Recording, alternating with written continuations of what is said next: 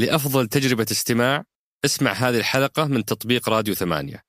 وتقدر تسمعها بدون موسيقى لو تحب. أنتم تستمعون إلى شبكة مايكس للبودكاست. تعيش السعودية مرحلة تحول ضخمة ومثيرة.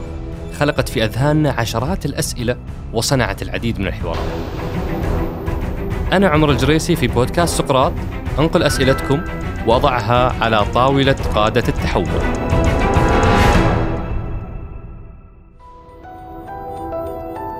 ضيف حلقتنا اليوم هو معالي الأستاذ أحمد الحقباني محافظ الهيئة العامة للجمارك. بدأ ضيفنا مسيرته المهنية بعد حصوله على شهادة البكالوريوس في نظم المعلومات من جامعة الملك سعود كمدير فني لخدمات المعلومات في مايكروسوفت السعودية واللي قضى فيها أربع سنوات وعمل بعدها في جهات عديدة. مثل هيئة الاتصالات وتقنية المعلومات وشركة سيسكو العالمية وكمستشار في العديد من الجهات الحكومية مثل وزارة التعليم ووزارة الخارجية كما أنه يحمل شهادة الماجستير في إدارة الأعمال من كلية إنسياد الفرنسية وأن عضو في مجالس إدارات عديدة مثل الهيئة العامة للغذاء والدواء والخطوط السعودية وشركة الغاز الأهلية.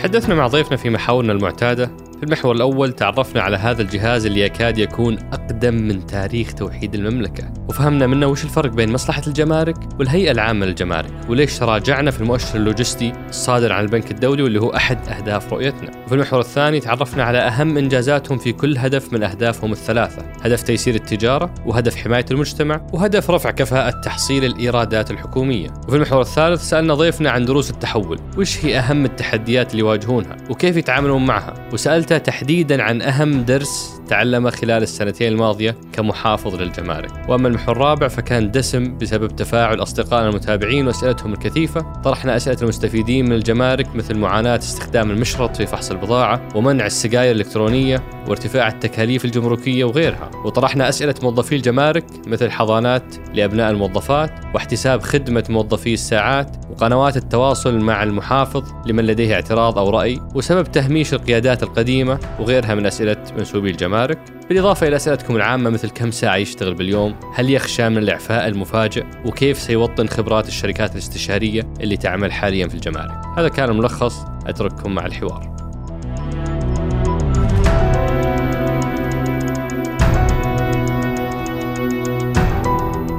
حياك الله أبو عبد العزيز شرفتنا ونورتنا. الله يحييك سلمان أبو عبد العزيز أنا من حسن حظي إني جمعتني فيك آه، فرصة طيبة قبل كم أسبوع.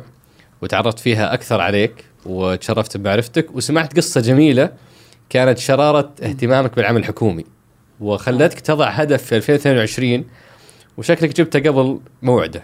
وش هي هالقصة؟ أول شيء أنا سعيد بوجودي معك أخوي عمر. هو في الحقيقة أنا بعد التخرج من الجامعة اشتغلت في شركة مايكروسوفت جلست تقريبا سنتين و ذاك الوقت الوالد الله يحفظه كان عنده كتابات في الصحف. وله سنين وهو يكتب.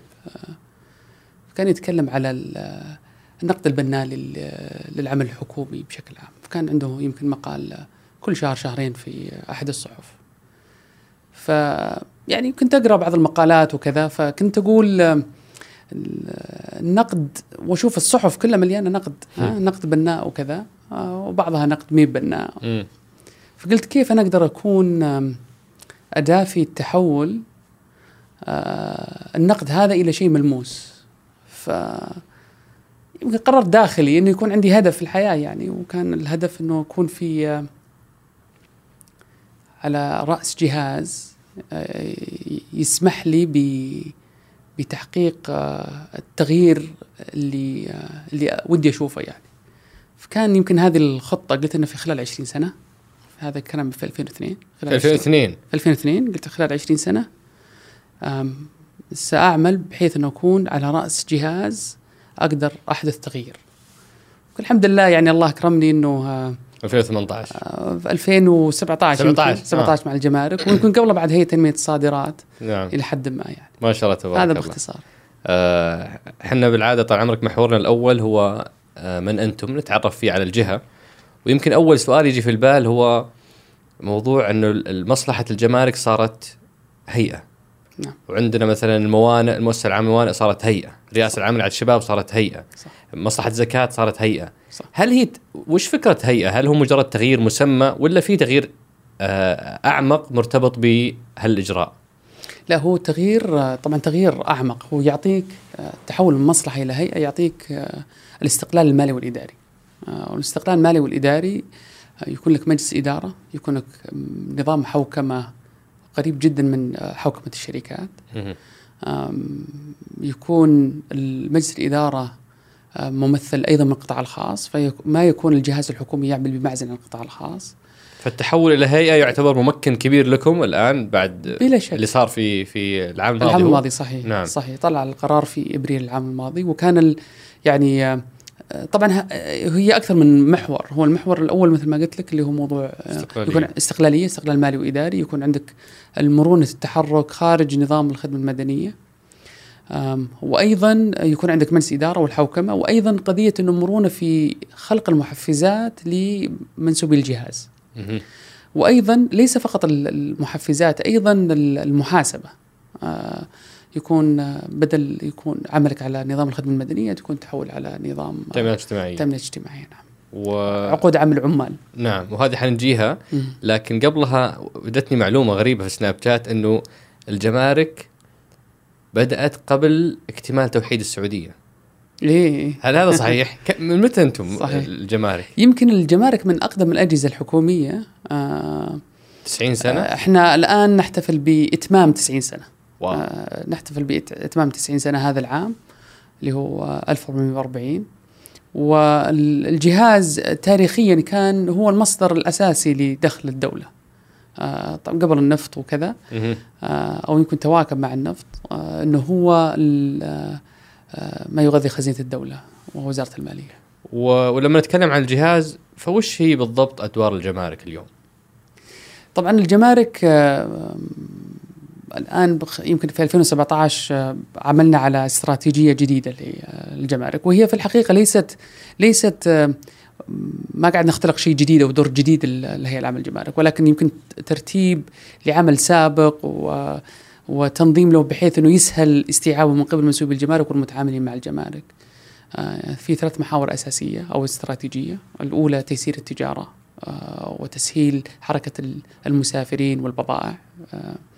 المحور الثاني ال- ال- الوطن والمجتمع والاقتصاد السعودي.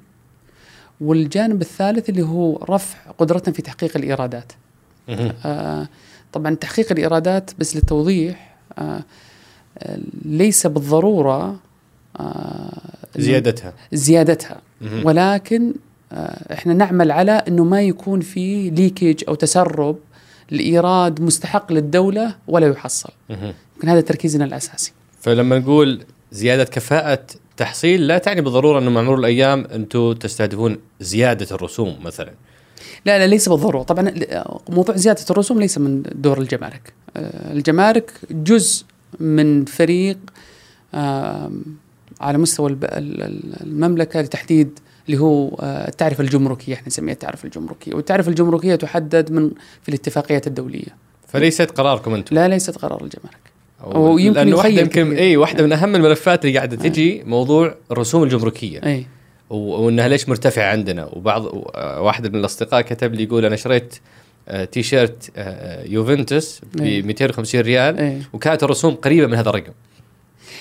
لا لا هذا يمكن آه، آه، هذه يمكن أحد المشكلات اللي إحنا نواجه في الحقيقة أي. في الجمارك إنه آه، يمكن الفواتير اللي تقدم للمستوردين آه، يكتب فيها إنه هذه خدمات جمركية ويفهم منها إنه هذه تدخل الجمارك وليس بالضبط. في الحقيقة هي اذا يعني, يعني هي هل- 5% الرسوم الجمركية كمتوسط تقريبا طبعا 5% 5% تقريبا متوسط مهم. في كثير من البضائع معفيه من الرسوم يعني مثل الأجهزة التقنية معفيه من الرسوم بح... لأنه في اتفاقية ال ITA ال information technology agreement فالاتفاقيات هذه تلغي الرسوم تماما ولكن بسبب عدم الوضوح نعم. والشفافية يمكن تاريخيا وزيادة الإقبال على التجارة الإلكترونية آه، وجد المستورد أو المستهلك وجد نفسه أمام فاتورة مقدمة أمام مكتوب عليها بس هذه هذه معلومة جدا مهمة أبو عبد العزيز إيه. لأن الناس قاعدة تشتكي كثيرا من ارتفاع رسوم الجمارك صحيح وإذا أنت تقول إنها ما تتجاوز 5% ولا في المتوسط إيه. 5% فمعناته إنه في يعني في حاجة كبيرة لتوعية الناس بهالناحية. وكيف صح. الناس تصل للمعلومة؟ كيف اليوم لو أحد يبغى يتأكد هل هذه رسوم جمركية ولا رسوم صح. شركات النقل كيف يقدر يتأكد؟ إحنا الآن آه، بسبب هذه المشكلة شغالين على برنامج آه، في مع شركة تبادل آه، إحنا نسميه أظن اسمه مسار أو مسار اكسبرس والهدف من ال application هذا إن شاء الله بينزل قريبا قبل نهاية العام. ال application هذه يتضح لك بالضبط كم الرسوم الجمركية والرسوم الحكومية بشكل عام سواء ضريبة جميل. ولا رسوم جمركية وأيضا يسهل عليك متابعة ال- الإرسالية. وهذا متى بيكون جاهز؟ هذا إن شاء الله قبل نهاية العام. آه، قبل نستهدف- 2019 إي إن شاء الله بالربع الثالث بإذن الله تعالى متفائلين إن شاء الله. وعدون الزملاء إن شاء الله بالربع الثالث. الربع الثالث أحمل تطبيق أعرف بالضبط بضاعتي وين وصلت؟ صحيح. وكم الرسوم الرسوم الحكومية بشكل عام عليها. صحيح. الضريبة والرسوم الجمركية نعم. ورسوم إصدار البيان الجمركي من قبل شركة تبادل. جميل. بس للتوضيح أي. جزء من المشكلة اللي يواجهها المستهلك ليس فقط قضية عدم وضوح ال- الرسوم.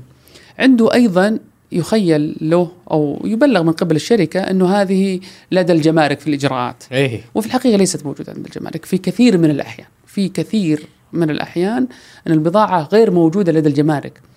لو شوف الآب لشركات النقل السريع يكتب فيها in custom process ولا in custom clearance نعم.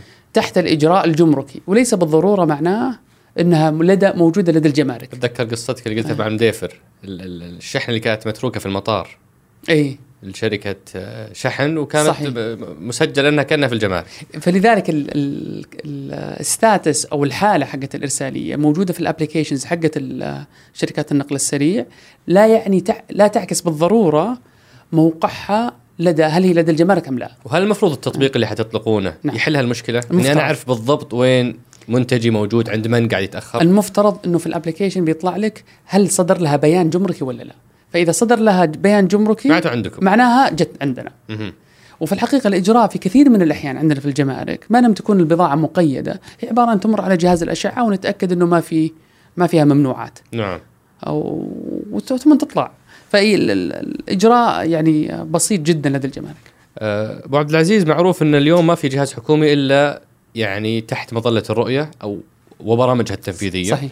فاليوم الجمارك يقع تحت أي برامج تحت أي برنامج تنفيذي طبعا الجمارك آه، عندها يمكن ثلاث مبادرات رئيسية آه، مبادرة تطوير المنافذ البرية وتطوير إجراءات الاستيراد والتصدير هذه وهذه تبع ندلب. ندلب اللي هو. برنامج تطوير الصناعة والخدمات اللوجستية الصناعة الوطنية والخدمات اللوجستية وعندنا برنامج اللي هو أو مبادرة التدقيق اللاحق وهذه تندرج تحت برنامج التوازن المالي جميل فإحنا نعمل على مع برنامجين فأنتم تبع برنامجين إيه. آه، فالبرنامجين يشرفون عليكم ويتابعون مؤشرات عملكم. مؤشرات اللي تخصهم طبعا. وطبعا أكبر مؤشر لكم علاقه فيه اللي هو موجود في الرؤية اللي هو مؤشر آه، آه، موقعنا في الأداء اللوجستي. الأداء اللوجستي صحيح. ال بي آي. ال بي اي وأتذكر صار في حديث مع يعني سواء في مؤتمر الخدمات اللوجستية ولا في لقاء المديفر على موضوع انه إحنا قاعدين نتراجع كترتيب بس أدائنا قاعد يتحسن. إيه. كيف تشرح هذه أبو عبد العزيز؟ هو في الحقيقة يعني يمكن يمكن السنتين الماضيه تقريبا ثلاث سنوات الماضية في كثير عمل في البنية التحتية اللي تحق تسمح لنا بالتحسن. الدول الثانية ما قاعد تنتظر المملكة العربية السعودية وش قاعد تسوي. يعني مهما المملكة أو الأشياء اللي قدمناها يمكن خلال السنوات الماضية يمكن ما شفعت لنا إنه نرتفع في الترتيب. آه، ولكن إحنا لا نعمل ليس مستهدفنا فقط آه، 2019 و 2018 نتكلم عن 2030 نعم فالسؤال هو هل المبادرات اللي عندنا هذه ستساهم بتحقيق المستهدفات؟ أنا أقول آه، بكل تأكيد. التحسن اللي حاصل ولا الذي لا ينعكس على المؤشر هذه مع مع مع تسويق الخدمات لأنه لو نرجع للخد... لنفس الاستبانة اللي توزع هي استبانة للمستفيدين والمتعاملين مع الجمارك. تيجي تقول كيف ترى الخدمات الجمركية؟ إحنا مقصرين في رأيي في تسويق الخدمات اللي قدمناها خلال السنوتين لذلك الماضية. عندك هاشتاج ليس من رأى كمن سمع نعم شوف الهاشتاج له قصة طبعا إيه. آه، يمكن آه، إذا اتسع المجال يمكن إيه. نتكلم عنه خذ راحتك راحتك عنه؟ اي عطني عطني قصة هو. ليس من رآه كمن سمع لأنه أنا يوم جيت الجمارك أو قبل ما أجي الجمارك أنا يعني تعاملاتي مع الجمارك يمكن بسيطة وزادت يمكن بس أنت يعني كنت أمين هيئة تنمية آه، أقول الصادرات وأغلب معاناتك حتكون من. الجمارك أنا كفرد أنا كفرد تعاملاتي مع الجمارك بسيطة جدا يعني نعم. نعم. في التجارة الإلكترونية والأشياء اللي استوردها وهي بسيطة جدا مع هيئة تنمية الصادرات زاد التعامل مع الهيئة العامة للجمارك و... وكنت أرى أنه في كثير من الأحيان يمكن بعض المشكلات اللي اللي يواجهها قطاع التصدير بامكان حلها بشكل سهل. يوم جيت الجمارك وجدت إن الموضوع ترى مو مو بسيط والجهاز ضخم وعليه مسؤوليات واوبريشن أو عمليات 24 ساعة ويبغى لك تحفز موظفين يبغى لك تدرب موظفين يبغى لك تطور نظام تقني يبغى لك تحسن إجراءات. فدائما أقول إنه ليس من راى كمن سمع. الناس يشوفون الجمارك ويتوقع إنه الموضوع يمكن بسيط. آه، ولكن الجهاز ضخم آه، وأنا أيضا مؤمن إنه الشباب اللي اشوفهم في المنافذ آه، هم يمكن أكثر شيء يبعث في التفاؤل صراحة ما شاء الله أي. وأنا يمكن آه يعني لما نتكلم عن الأرقام بما أنه اليوم عندنا رؤية كلها بالأرقام وهذه تسهل المتابعة وتصعب ال- المسؤولية على صح. آه يعني على على القيادات اللي إن شاء الله إنهم قدها نعم. في 2016 طبعا مؤشر ال بي اي عبارة عن ستة محاور وهو يتبع البنك الدولي صح. للناس المهتمة. في 2016 الجزئية الخاصة بالجمارك كان رقمكم 2.69 مهم. وهو مؤشر كل سنتين. نعم. في 2018 2.66 مهم. فإحنا ما نتكلم عن انه ترتيبنا يتراجع فقط آه نتيجة إنه غيرنا يتقدم. إحنا في في, في الجمارك تحديدا تراجعنا تراجع طفيف جدا اللي هو 0.03 مهم. السؤال هنا أنا أدرك إنه أول أول كم سنة؟ حتكون سنة بناء. وتأهيل وتجهيز البنية التحتية استقطاب وتأهيل كوادر آه، فريق العمل. بس أنت بحكم أنك في وسط الميدان نعم. متى تعتقد إنه آه الناس حتبدأ تشوف في المؤشر انعكاس الجهد الكبير اللي قاعدين تقومون به؟ هل هو في 2020 2022 متى نبدأ نشوف رقم الجمارك يرتفع كرقم يعني كنتيجة؟ وترتيب الجمارك أو ترتيب السعودية في ال بي اي يرتفع، متى تعتقد هذا الشيء بيبدا يبان أثره؟ هو إحنا في مؤشرين يمكن إحنا قاعد نتابع إحنا في الجمارك مؤشرين من البنك الدولي. المؤشر الأول مثل ما تفضلت المؤشر الاداء اللوجستي. وهذا في برامج آه، في رؤية المملكة. وعندنا مؤشر ثاني تجارة عبر الحدود. الفرق بين الاثنين إنه هذا ياخذ ست, محاور وعباره عن استبانة توزع كل سنتين. فالمؤشر نتيجة ال ال الاستبانة هذه تطلع كل كل سنتين. وعندك المؤشر للتجارة عبر الحدود اللي هو كل سنة. أنا أتوقع آه، التجارة عبر الحدود تحسنا فيه يمكن ثلاث مقاعد وفي رأيي هذا بسيط جدا. أنا أتوقع كل المؤشرات القادمة بيكون فيها تحسن بشكل بشكل أفضل. آه، لأنه البناء تم. الآن يبدا الحصد. لا البناء لم يتم بالكامل. أوكي. إحنا قطعنا شوط في البناء لم ينتهي البناء. إحنا في 2017 وضعنا استراتيجيه لمدة خمس سنوات. في تطوير الجانب البشري والتقني والإجراءات والمخاطر. فهذه كلها يبغى لها وقت عشان قاعد تبنيها. نعم. إحنا لا ننسى في بداية 2017 كان عدد الموظفين يستخدمون الإيميل ترى 50 موظف من 10000 وعدد ال- المعاملات الإلكترونية اللي تقدم 50 موظف. 50 موظف من 10000 في 10000 موظف الجمارك نعم. ما كان استخدام ما فيك استخدام إيميل. محصور جدا. نعم.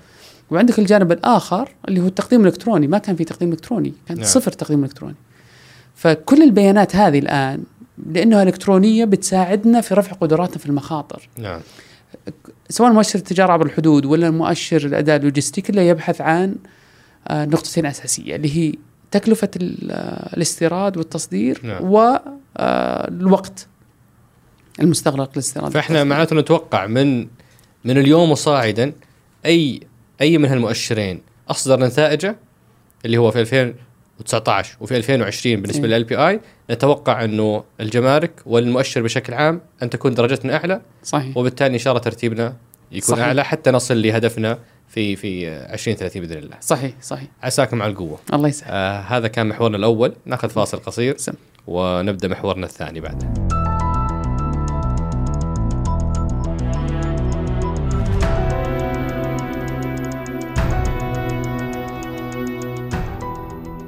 حياك الله مرة ثانية أبو عبد العزيز الله في. محورنا الثاني. هذا المحور اللي آه لغة الأرقام تتكلم.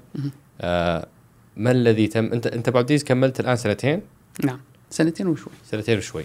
ما الذي تم في هالسنتين في الهيئة العامة للجمارك آه، طبعا ال- وقبل ما تبدأ إيه. آسف مبروك. أنتم آخر شيء يعني قبل كم يوم موضوع آه، جائزة مكة التمييز الاقتصادي.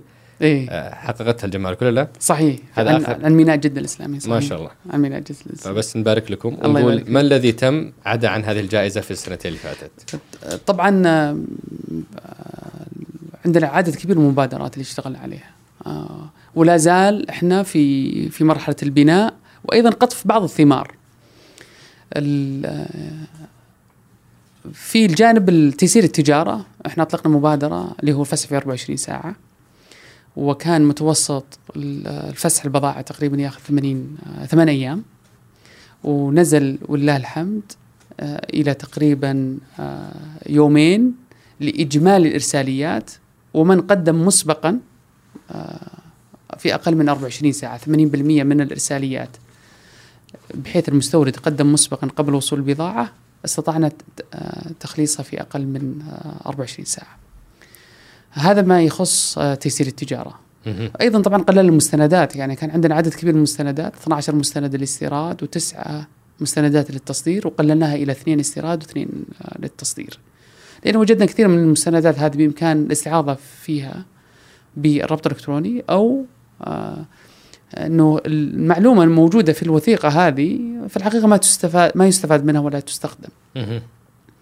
أيضا عملنا على الأرشفة الإلكترونية فوصلنا إلى تغطية 100% من الموانئ البحرية بالارشفه الإلكترونية تقديم كل كلها بإلكتروني. آه، ال- المنافذ الجوية قطعنا فيها شوط. أيضا المنافذ البرية. والحديث أبو عبد عن عن الأتمتة وأنت رجل التقنية. مم. آه، كان في أحد الأسئلة اللي وصلتني إنه الواجهة إلكترونية التقديم إلكتروني بس كل العمليات اللي وراه هي عمليات بالأولد سكول أو بالمدرسة القديمة. كلها عمليات ليست مؤتمتة. فهل هذا صحيح؟ هو جزء آه، جزء من الكلام صحيح وجزء مو- مو آه، بدقيق. والهدف آه، يمكن آه، إحنا نبغى نسهل على الناس. وش يعني إحنا لو بنشوف الأولويات كيف أقدر أسهل على المتعامل مع الجمارك؟ أنا عندي جهاز وعندي إجراءات غير موثقة. نعم. آه، أحتاج أتعامل معها وأحتاج أقدم خدمات بشكل سريع جدا للمتعاملين مع الجمارك. فقلنا على أقل تقدير خلي التقديم خلي. التقديم الالكتروني وسهل نعم. على الناس بدل ما يضطر يروح المنفذ نعم. يقدم الكترونيا ويكون التعامل داخلي. التعامل داخلي آه تحسن إلى جزئيات كبيرة ولكن لم يصل للطموح. أوكي إحنا قاعد نبني نعيد بناء نظام الجمارك الأساسي اللي هو المحرك الأساسي يعني اسمه نظام نبراس. قاعد نعيد بناء من جديد مفترض إن شاء الله مع مع الربع الأول فأنتم 2019. بديتوا بال...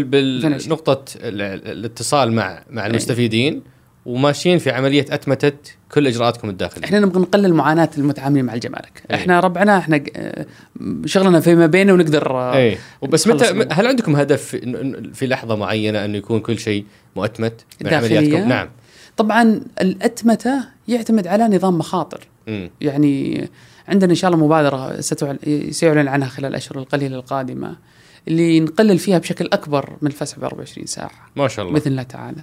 وهذه يعتمد في المقام الأول على آه، نقطتين أساسية. النقطة الأولى ارتباط آه، منصة فسح بالجهات الحكومية المعنية بالفسح. هذا النقطة الأولى. النقطة الثانية استغلال الأمثل للبيانات لتحديد مستوى الخطر لكل إرسالية. فهذه المعلومات هذه هي اللي بتمكننا من آه، من الاتمته واستخدام آه، وتقليل الاعتماد على التدخل البشري لمعالجة كل بيان. لأنه أنتم بالنسبة لكم أنتم بجهة يعني خ... يعني قطاع خدمي تقليدي يقدم مم. خدمة أنتم أيضا دوركم حماية. بلا شك. و- وبالتالي الناحية ال... ال... الأمنية و...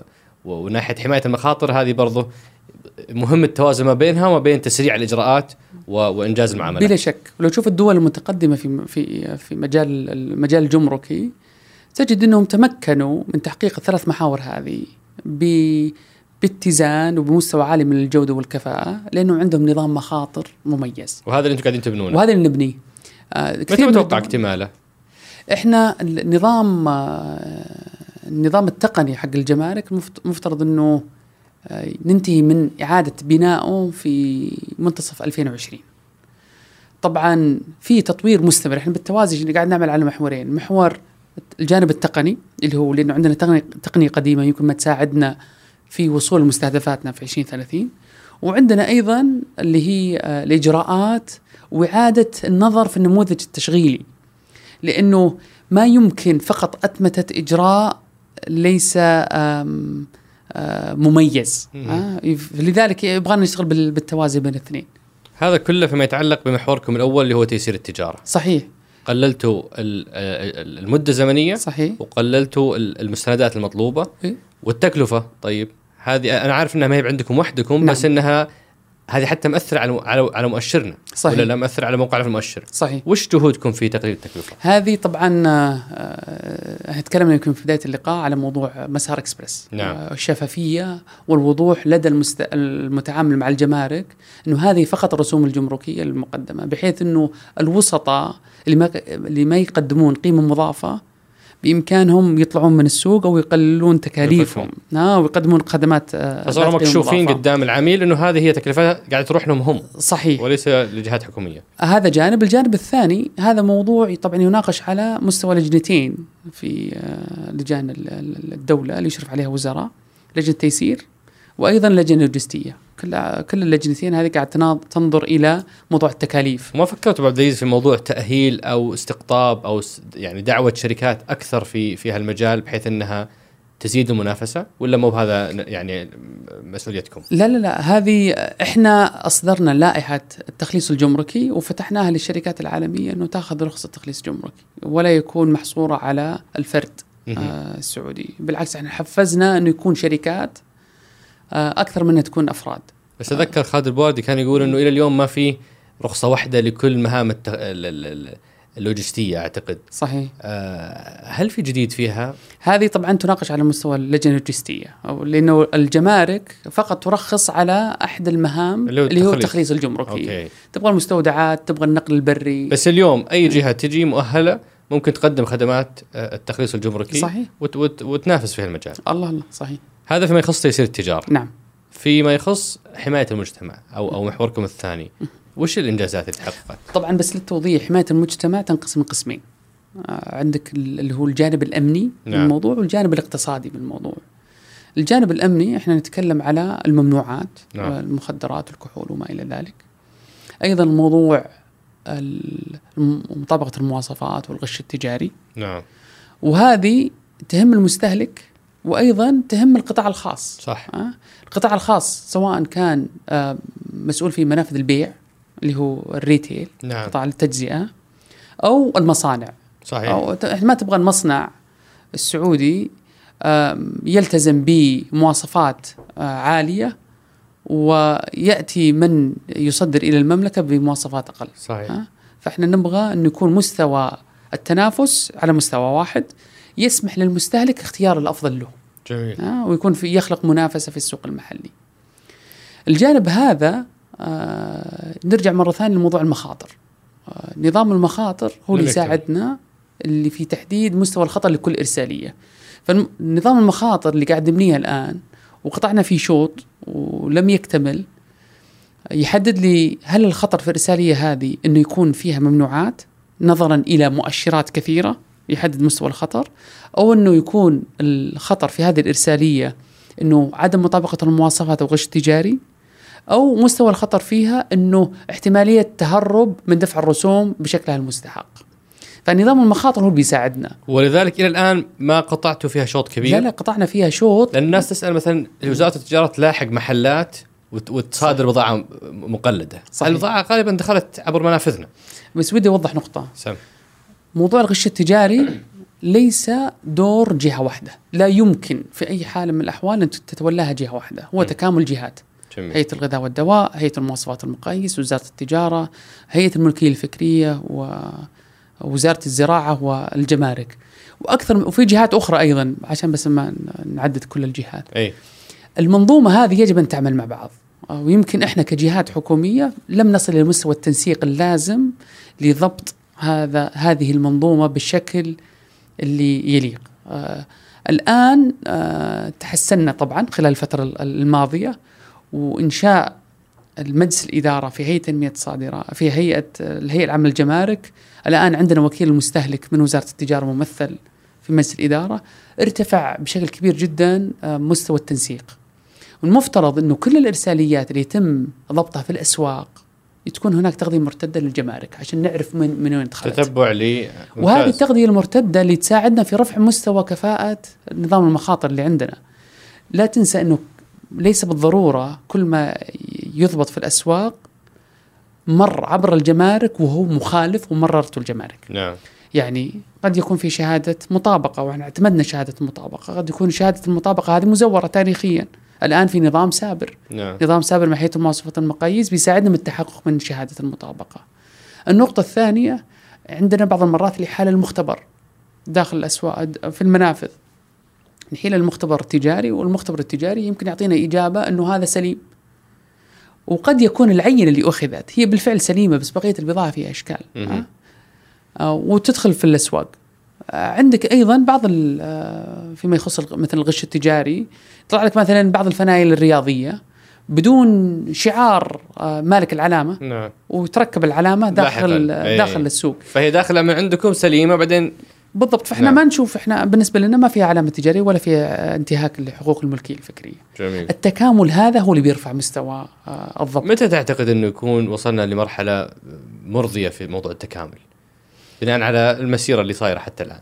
طبعا آه، أنا ما أقدر أتكلم نيابه عن المنظومة أي اللي أقدر اقوله إنه التفاعل اللي حصل بداية الفين من بداية 2019 لم يكن موجود في السنوات السابقة صراحة إنشاء هيئة الملكية الفكرية نعم. ومتحمسين الزملاء هناك هل في فكرة منصة مم. موحدة تجمع كل هالجهات أو تنسق عملها أو تربطها مع مع, مع فسح ولا مع أي منصة قائمة بحيث إنه اليوم موضوع المنصات قاعد يقفز بالعمل الحكومي قفزات يعني أتذكر. كان ضيفنا آه، المهندس آه، مازن الداود وكان يقول التحدي بالنسبة لهم في عدم الجاهزية تعاملوا معاه بالمنصات فقفزوا على كثير من ال- ال- ال- العوائق بموضوع المنصات مثل إيجار في تنظيم سوق الإيجار مثل. ملاك وهكذا صحيح. هل في منصة طبعا منصة فسح إحنا بنظرنا هو قد تكون هي الم- المنصة الأساسية في موضوع الاستيراد والتصدير. إحنا في نقاش مع الزملاء في وزارة التجارة أي منصة نستخدمها؟ هل منصة سابر ولا نعم. منصة كذا؟ في موضوع الغش التجاري وما يضبط في الأسواق. فإحنا نقول لا ننتظر منصة. يعني أنا بعد أيضا ما أبغى آه، يعني يخيل لد- لدى المتلقي إنه الحلول فقط في إنشاء منصات ها نعم. بإمكان إحنا نرسل إيميل نعم ها ونعالج الموضوع إلى أن يكون هناك المنصة المناسبة لحل هذه الإشكالية. وبالنسبة لل... هذا كله الجناح الأول اللي هو آه، آه، الحماية الاقتصادية الحماية الاقتصادية نعم. طيب وحماية المجتمع حماية المجتمع آه، التنسيق اللي حصل يمكن خلال السنتين الماضية يمكن غير آه، ما أبغى أقول غير مسبوق ولكن ارتفع الرتم التعاون مع الجهات الأمنية بشكل كبير جدا. آه، هناك آه، لجان تنسيقية عليا. أيضا هناك آه، تغيير في أرض الواقع في التعامل مع المهربين كمثال. شغلة اسمها التسليم المراقب. أول تاريخيا في تسليم مراقب ولكنه محدود بآلية معينة. الآن تغيرت ب- وساعدتنا إنه نضبط تقريبا 130 مليون حبة كبتاجون 130 مليون, مليون, حبة كبتاجون في سنة واحدة. أيضا هناك كثير من وهذه صراحة ابو عبد العزيز يعني أنا أنا أنا أنا مصدوم آه، بعد ما يعني وإحنا نحضر لل- الحلقة جالس أشوف آه، الضبطيات والجهود قاعد تصير.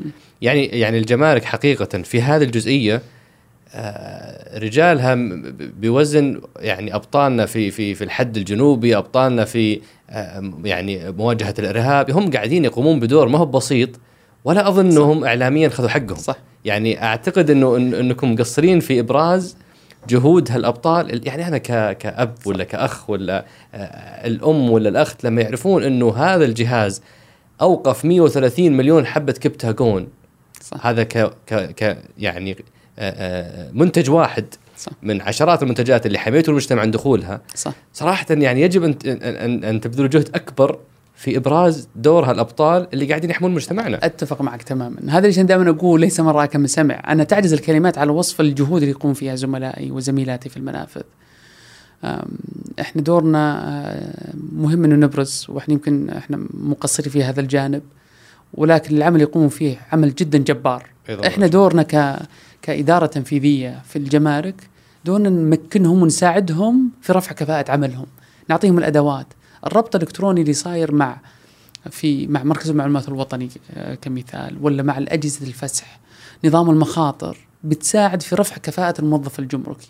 بدال يعني يمكن في 2017 آه كمثال آه ميناء جدة الإسلامي كنا نفتش تقريبا 90% من الحاويات. 90% 90% من الحويات تفتش يدويا. وبالمشرط. آه. لا لا بجيك على موضوع المشرط. آه، هذا المشرط. الإشكالية وين؟ أنه الموظف لم يعطى المعلومة اللي تساعده في في فحص أو آه، فحص هذه الحاوية. وين يفحص؟ وش الأشياء المفترض ينتبه لها؟ ما أعطينا الأدوات. فلذلك قلنا كل الإرساليات 90% فتش يدويا نعم. فلذلك مما سبب التأخير. م. الدول الثانية المتميزة جمركيا نسبة التفتيش فيها قليلة تتكلم عن أقل من 10% أقل من 10% أقل من 10% وإحنا نفحص 90% كنا. كنا. كم اليوم؟ إحنا تقريبا على ال 40% قللناه خلال يمكن السنتين الماضية ونتوقع أنه بشكل آه، بشكل متسارع خلال يمكن السنتين القادمة بينزل الفحص اليدوي إلى المستويات العالمية. بالتزامن مع نظام المخاطر. نظام المخاطر. أنا دائما أقول نعم. يمكن الجانب البشري النظام التقني نظام المخاطر. مم. هذه الثلاث الأشياء الأساسية اللي هي عوامل النجاح في الجمارك. وفي المحور الثالث موضوع زيادة ال ال أو زيادة كفاءة تحقيق الإيرادات. صحيح. وش اللي حققتم في هذا المحور؟ طبعا في مبادرة رئيسية آه، أطلقت تبع برنامج التوازن المالي اللي برنامج التدقيق آه، اللاحق. وهي برنامج سابق موجود في الجمارك ولكن فعلناه بطريقة مختلفة إنه ما اقتصرنا على التدقيق المستندي في آه، في ديوان الهيئة أو في المنافذ. عطنا إياها ابو عبد العزيز بلغة باختصار. بسيطة. لا بلغة إيه؟ باختصار وبلغة بسيطة. طيب. يعني هذا كلام مسؤولين كبار. إيه, إيه. عطنا عطنا إياها خليني بعطيك إياها. هي إحنا في الجمارك بعد فسح الإرسالية نأخذ الوثائق ترسل إلى إدارة التدقيق إدارة التدقيق يفتشون يتأكدون أن المعلومة الموجودة في البيان الجمركي سليمة وأن الشخص اللي راجعها أدى عمله بشكل بشكل مطلوب. العمل اللي حصل تاريخيا كان معتمد على عمل مستندي ويمكن كانت هناك بعض المحفزات لما قادت لرفع كفاءة هذا هذه الإدارة بشكل سليم. أطلقنا برنامج التدقيق اللاحق واللي تسمح لمنسوبي الجمارك أنه يزور المستورد أيضا ما يكتفي فقط بالمستندات المقدمة. نرجع لصاحب صاحب الشأن صاحب البضاعة ونقول له عطنا المستندات اللي مسجلة عندك في الدفاتر. ونرجع القوائم المالية. نتأكد أنه بالفعل الفاتورة اللي قدمت الجمارك هي الفاتورة السليمة يعني إحنا نشوف ممارسات بعض الممارسات وهي قليلة آه ولله الحمد. إنه يقدم فاتورة للجمارك بهدف إنه عدم دفع الرسوم بشكلها بشكلها السليم. وأنتم في العام الماضي حصلتوا 51 مليار ريال. هذه إجمالي الإيرادات اللي, اللي حصلتها الجمارك شيء لها وشيء لهيئة الزكاة. والضريبه. نعم. نعم. آه واحدة من الأشياء اللي أنت أبو عبد يعني آه متهم فيها موضوع الحرص المالي العالي. إيه؟ آه وذكروا مثال موضوع الطلبة اللي الجامعيين اللي اشتغلوا بدل المنتدبين أو شيء زي كذا إيه؟ وش قصة الطلبه الجامعيين بما نتكلم إحنا عن موضوع الإيرادات إيه. وتحسين الإيرادات إيه؟ لا بس هو هو المنتدبين أو الموسمين الموظفين الموسميين إيه. هذولي هي كانت تجربة سابقا في الجمارك موجودة في تاريخيا وأوقفت آه، لأسباب أنا لا اجهلها في الحقيقة فصار في موسم الحج وموسم العمرة عدد كبير من الموظفين يتركون المنافذ ويروحون إلى آه، مكة والمدينة أو عفوا جدة والمدينة لدعم آه، وبعض المنافذ الحدودية لدعم الزملاء هناك نعم. فإحنا قلنا ما في إشكال ولكن إحنا عندنا نقص أصلا في المنافذ الأساسية. فلا نشغلهم. ما أبغى أشغلهم. نعم. وأيضا بإمكان الاستفادة من الموسمين هذول بطريقة يمكن أكثر كفاءة. أكثر كفاءة. نقول هذول مسؤولين بالاستقبال ومساعدة المسافرين بحيث إنه تجربة المسافر والحاج والمعتمر تكون أفضل ما يمكن. والجانب الجمركي البحت لا زال فيه يقوم منسوبي الجمارك نعم. فهذا فرضا يعني وحتى- ليس مقصود مالي يعني. وحتى أكون منصف الأمانة جاني جزء من من الرسائل كانت تشكر هالمبادرة من الطلبة اللي استفادوا منها. وفي الجزء الآخر بعض الموظفين اللي كانوا مستفيدين سابقا منها ومن انتداب هم اللي زعلانين شوي. لكن حتى أكون منصف الطلبة كانوا جدا مبسوطين بهالتجربة اللي اتحتم لي إياها. أنا أعتقد إنه هذا يعني آه، آه، شيء بسيط من من ما شاء الله ما حققتوه. و وما تم أكثر من ذلك بس حنكتفي ب- بهذا ال- الأرقام سم. و... ونختم محورنا الثاني وننتقل لمحورنا الثالث بعد إذنك بإذن. فاصل بسيط وننتقل لمحورنا الثالث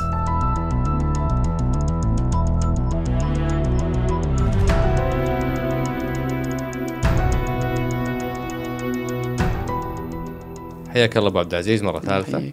آه، محورنا الثالث هو دروس التحول واعتقد إنه عندكم كمية دروس يعني مهولة ابو عبد العزيز انت أنت قاعد تقود جهاز عمره 90 سنة 10000 موظف. لما نقول مترامي الأطراف حرفيا هو مترامي الأطراف هو في الأطراف في صحيح. أطراف المملكة. آه وش أكبر التحديات اللي واجهتها؟ وش الدروس اللي تعلمتها من التحديات وكيف قاعد تتعامل معها؟ تحديات في الحقيقة تحديات كثيرة. آم، يمكن آه، يمكن أهمها الجانب آه، كيف تقدر تحدد أولويات. يمكن هذه أكبر معضلة تواجه أي مسؤول آه، في الحكومة. آه، لأنه مطلوب منك المساهمة بشكل عاجل ومستعجل في برامج تحقيق الرؤية و مستهدفاتها مستهدفاتها وكذا. نعم. وعندك الجانب الثاني اللي هي تقدم أيضا بعض الخدمات السريعة اللي تكسب فيها نقاط مع المتعاملين مع الجمارك وأيضا ترتيب البيت الداخلي. ترتيب الأولويات هذه آه، مشكلة. دائما أقول للزملاء إنه فكر فيها مثل هذا اللي يعمل في آه، أو اللي يلعب في السيرك ها؟ اللي ماسك أطباق نعم. وقاعد يوازنها على على عصيان ها؟ يبغى يوازن كل الأطباق هذه متاكد. انها ما تتكسر فلذلك يكون عند الشخص كيف يقدر يستقطب ناس بإمكانهم يساعدونه في توازن هذه الأطباق آه، وأيضا استخدامهم بال- بالسرعة الكافية والمحافظة عليهم آه، وتمكينهم من تحقيق هذه المستهدفات. أنا بالنسبة لي كيف رتبت اولوياتك عبد العزيز؟ يعني إحنا وضعنا استراتيجيه على بداية يعني أول ما عملت في الجمارك كان لي تعاملات سابقا في هيئة تنمية الصادرات وعرفت بعض الأمور اللي ذات الأولوية. وكان في أمر ملكي أيضا أو أمر سامي بسرعة الفسح في 24 ساعة. وهذه كان أولوية يعني يمكن هذا كان أول عمل قمنا فيه. وهذه استفدنا منها من موظفي الجمارك القدامى يعني ها ليس لم نستفيد فقط من من قاموا أو تم توظيفهم واستقطابهم من خارج الجمارك، استفدنا من موظفي الجمارك. فهذه كانت يمكن أولوية، شفنا وش الأولويات اللي هي برنامج تحقيق الرؤية والأوامر الساميه. وهذه كانت أولوياتنا، بالتوازي عملنا على استراتيجيه بحيث يكون عملنا متوازن عملنا بالفعل يساهم بتحقيق المستهدفات ولا يكون هل عملنا نفس خط الفريق اللي. قاعد يشتغل على ال... على ال- هالمستهدفات العاجلة. هو نفسه اللي قاعد يخطط. هل يقدرون يعملون بال... بال... بالعقليتين المختلفات هذه؟ عقلية تخطط استراتيجيا وعقلية مطالبة. بإنجازات فورية. هل هم نفس نفس الفريق؟ هو آم، آه، باختصار نعم. نعم ما شاء الله. هو نفس الفريق. هو الفريق اللي قاعد يساعدنا في التخطيط. طبعا قاعد نستفيد من مستشارين نستفاد آه، نستفيد أيضا من آه، زملائنا القدامى في الجمارك اللي يعرفون العمل الجمركي. كله كل الفريق هذا بمختلف خبراته قاعد نشوف نتائجه في المخرج اللي تشوفه الآن في الجمارك. وإن جميل شاء الله نشوفه إن شاء الله خلال السنوات القليلة القادمة. وأبو عبد العزيز طيب تحدي فريق العمل. يعني قطعا الجمارك 10000 آه، آه، فيهم رجال عظام كثر ولكن فيهم أيضا رجال قد لا يكونون جزء من المرحلة القادمة. مم. كيف تتعامل مع العنصر البشري؟ أو كيف تعاملت مع العنصر البشري كتحدي أو كفرص؟ منسوبي الجمارك عددهم تقريبا 10000 وإحنا طبعا مستحيل إن نعرف كل واحد فيهم. وقاعد أحاول أنظر إلى آه، ملفات الموظفين. ويمكن ما تعطينا المعلومة السليمة إنه هذا الشخص متميز أم لا. آه، فلذلك آه، يمكن خلال السنتين الماضية شفنا في الميدان واعتمدنا على التغيير السريع في في بعض القيادات للحصول على المتميزين اللي بإمكانهم يساعدونا في مرحلة التحول هذه. خلال الفترة القادمة إن شاء الله سنبدأ إن شاء الله في إعادة تقييم 10000 موظف بحيث انه يكون عندنا بالفعل مستندات نقدر نعتمد عليها بدل من نماذج آه، تقييم الاداء اللي هي يعني المستخدمه في القطاعات الحكومية اللي هي يطلع لك في الأخير 90% من موظفينك متميزين أو 95% متميزين. نعم. فسنعتمد على تقييم الأداء وأيضا سنعطي فرصة للناس بإثبات قدراتهم وكفاءتهم. إحنا ما نبغى يعني واحدة من الأسئلة اللي كانت موجودة هنا إنه آه، ليش ما يتاح لي فرصة أن أقدم نفسي أحد منسوبي الجمارك أن أقدم نفسي للمناصب القيادية آه، آه، في في الجمارك ان أثبت نفسي ولا لا يأخذوني؟ إحنا فتحنا هل عندكم إيه برنامج لهذا؟ إحنا فتحنا العام الماضي برنامج داخلي اسمه برنامج تقدم. كل الوظائف المتاحة للخارج تتاح داخليا أول. جميل. فكل الموظفين عندنا ابتداء تتاح داخليا. اي ابتداء تتاح داخليا. جميل. فعندنا ناس من داخل الجمارك في مختلف المنافذ بدأوا يعملون على مشاريع استراتيجية للجمارك وعندهم قدرات. عندنا ناس متميزين بس إحنا يمكن ما نعرفهم هذه نعم. الإشكالية أنت قاعد تعتمد على بيانات غير دقيقة فلعل إن شاء الله خلال يمكن السنتين القادمة بيصير عندنا بروفايل أو تصور واضح عن الموظف وأعتقد واحدة من يعني أنا قاعد أقرأ على في قطاع الخدمات اللوجستية في برنامج تطوير الصناعة آه، عندكم تحديات كثيرة من أهمها موضوع المنافذ البرية م. وهذه لذلك أصبحت مبادرة. المبادرات الرئيسية عندكم. آه، كيف قاعدين تتعاملون مع تحدي المنافذ البرية اللي الناس اليوم حتى الآن ولا أعتقد إنك أنت أيضا آه، راضي عنها؟ نعم. ورحلة التصحيح ما حتم في يوم وليلة. كيف تتعامل مع تحدي مماثل؟ طبعا بس للتوضيح المبادرات برامج التحول وضعت قبل مجيئي للجمارك كلها وضعت 2016 في نعم. وثيقة الرؤية. الأولية. فموضوع تطوير المنافذ هو كان مبادرة لتطوير المنافذ البرية. إشراف على المنافذ البرية كان لدى وزارة المالية. توها نقلت لكم؟ نقلت بداية 2018 2019 ولا 2018 18 2018 نعم. ففي بداية 2018 إحنا عملنا على استقطاب آه استشاري عالمي يساعدنا في. إعادة التخطيط وتقييم المنافذ البرية بحيث يكون عملنا لأن عندنا ميزانية محدودة ها؟ حتى ص... حتى لو كانت مليارات نعم. هي محدودة. نعم. على حجم المشكلة اللي قاعد تحاول تعالج. إحنا نتكلم عن 15 منفذ؟ 13 منفذ بري. 13 منفذ بري. 13 منفذ. بعضها مغلقة بسبب ال ال ال الوضع في في اليمن. تقريبا ثلاثة منها مغلقة والباقي آه، تعمل. فلذلك آه، يمكن استغلينا الفرصة 2018 إلى آه، للتخطيط السليم كل منفذ مفترض أن ما يكون له شكل وطابع أو آه، نعيد التفكير في كيف شكل التصميم المنفذ المفترض أن يكون عندنا تصميم منفذ وحد. نموذجي نعم. والمنفذ النموذجي هذا يعاد نعم. تصميمه بما يتوافق مع التوزيع الجغرافي نعم. فهذا اللي عملنا عليه فالحمد لله خلصنا في نهاية 2018 التصميم النموذجي للمنفذ البري واستفدنا من تجارب أفضل الدول لكيف نقدر نصمم منفذ قابل للتوسع بشكل سريع ذو كفاءة عالية يستخدم المحتوى المحلي وأيضا يعطي تجربة متعامل آه، مميزة أيضا فكل الأشياء هذه تبغى لك آه، توازن اذكر في لقاء مديفر كنت تقول إنها في 2022 نفترض تكتمل يكتمل تطوير كل المنافذ البرية لا ولا لا؟ لا أنا قلت خلال سنتين ثلاث سنوات إيه؟ نحتاج كحد أدنى لبناء منفذ. آه منفذ واحد. منفذ واحد. أوكي. الآن إحنا طرحنا كراسة المنفذ الخفجي. م- هذا أول منفذ سيعتمد على المنفذ النموذجي بإذن على تصميم هو أول منفذ يطور الخفجي. هذا أول منفذ سيطور. عندنا المنافذ الاخرى إحنا قاعد نعمل على تحسينات فيه وبالتوازي قاعد نخطط شكل المنفذ الجديد. يعني نعم. عندنا البطحة إحنا يمكن قطعنا شوط كبير جدا في انتهاء التصميمات. لإعادة بناء منطقة الشحن بشكل كامل. الآن إحنا سنعمل على تحسينات فيه المنفذ نعم. الحالي بما يحقق آه، سهولة و- وتحسين بيئة العمل. بالتوازي إحنا نعمل على إعادة تصميم منطقة الشحن بشكل كامل.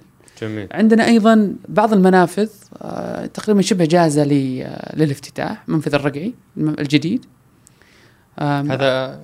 مع مع أي مع أي دولة؟ مع الكويت. مع الكويت. مع الكويت. عندنا منفذين الخفجي والرقعي.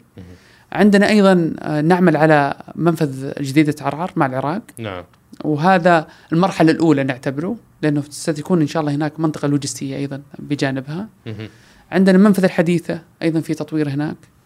عندنا منفذ بس خلال ثلاث سنوات حنشوف أول نموذج تطوير مكتمل بإذن الله يطلع منفذ الخفجي من أو من خلال ثلاث سنوات بيطلع أول منفذ وسيتلوه المنافذ الأخرى تباعا جميل بإذن الله تعالى. آه أنا ودي أختم هالمحور أبو عبد العزيز مم. بسؤال في هالسنتين أهم درس تعلمته لو في اليوم شخص آه يسمعنا وتو متولي مسؤولية آه كبيرة مثل المسؤولية اللي أنت يعني تسلمتها وش هي النصيحة اللي بتقدمها له؟ وش أهم درس تعلمته في السنتين اللي فاتت؟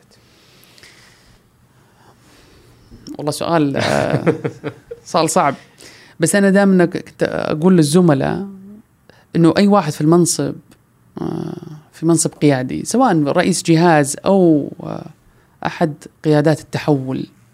وأنا أقول قياده التحول لأنه ليس فقط ما ليست محصورة على رئيس الجهاز. يجب أن يكون عندك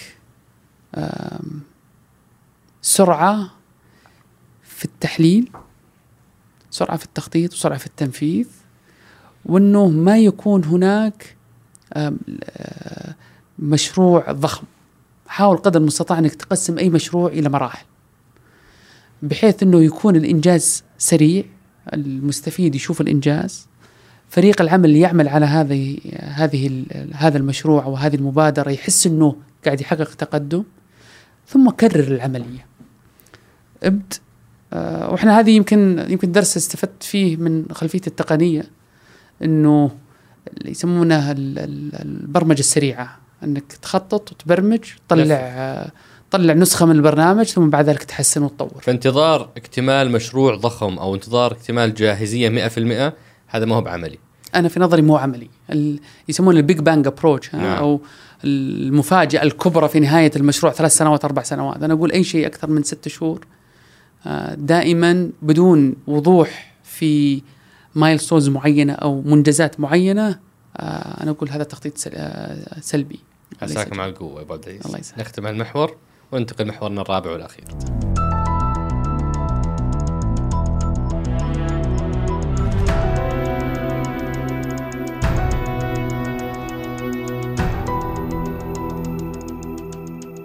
نبدأ محورنا الرابع والأخير واللي هو أسئلة آه، أصدقائنا المتابعين. ما قد جانا أسئلة قد هالمرة أبو عبد العزيز. ما أدري وش السر وش رأيك؟ الله يستر لا ما شاء الله كان تفاعل آه، ضخم جدا. آه، ولذلك يعني ابغاك تساعدني.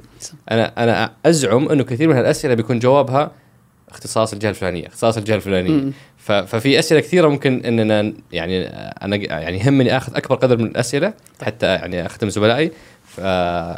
قد ما تقدر الإجابة تكون مختصرة ومباشرة سم. آه، إحنا قسمناها عشان سهل بس يعني ترتيبها إلى أسئلة المستفيدين مهم. أسئلة آه، زملائك في الجمارك وأسئلة عامة أو أو يعني أخرى مهم. بالنسبة لتجارب المستفيدين آه في سؤال هنا لماذا هناك تغيير مستمر شبه شهري في أنظمة الجمارك ودخول البضائع آه أيضا أوكي هذا سؤال ثاني هل هل في تغيير مستمر لأنظمة الجمارك أو إجراءاتها؟ لا الأنظمة لا. الإجراءات نعم الأنظمة لا. لأنه النظام عندنا يح- يحكمنا نظام الجمارك الموحد وهذا من 1423 موجود. طيب موضوع الإجراءات.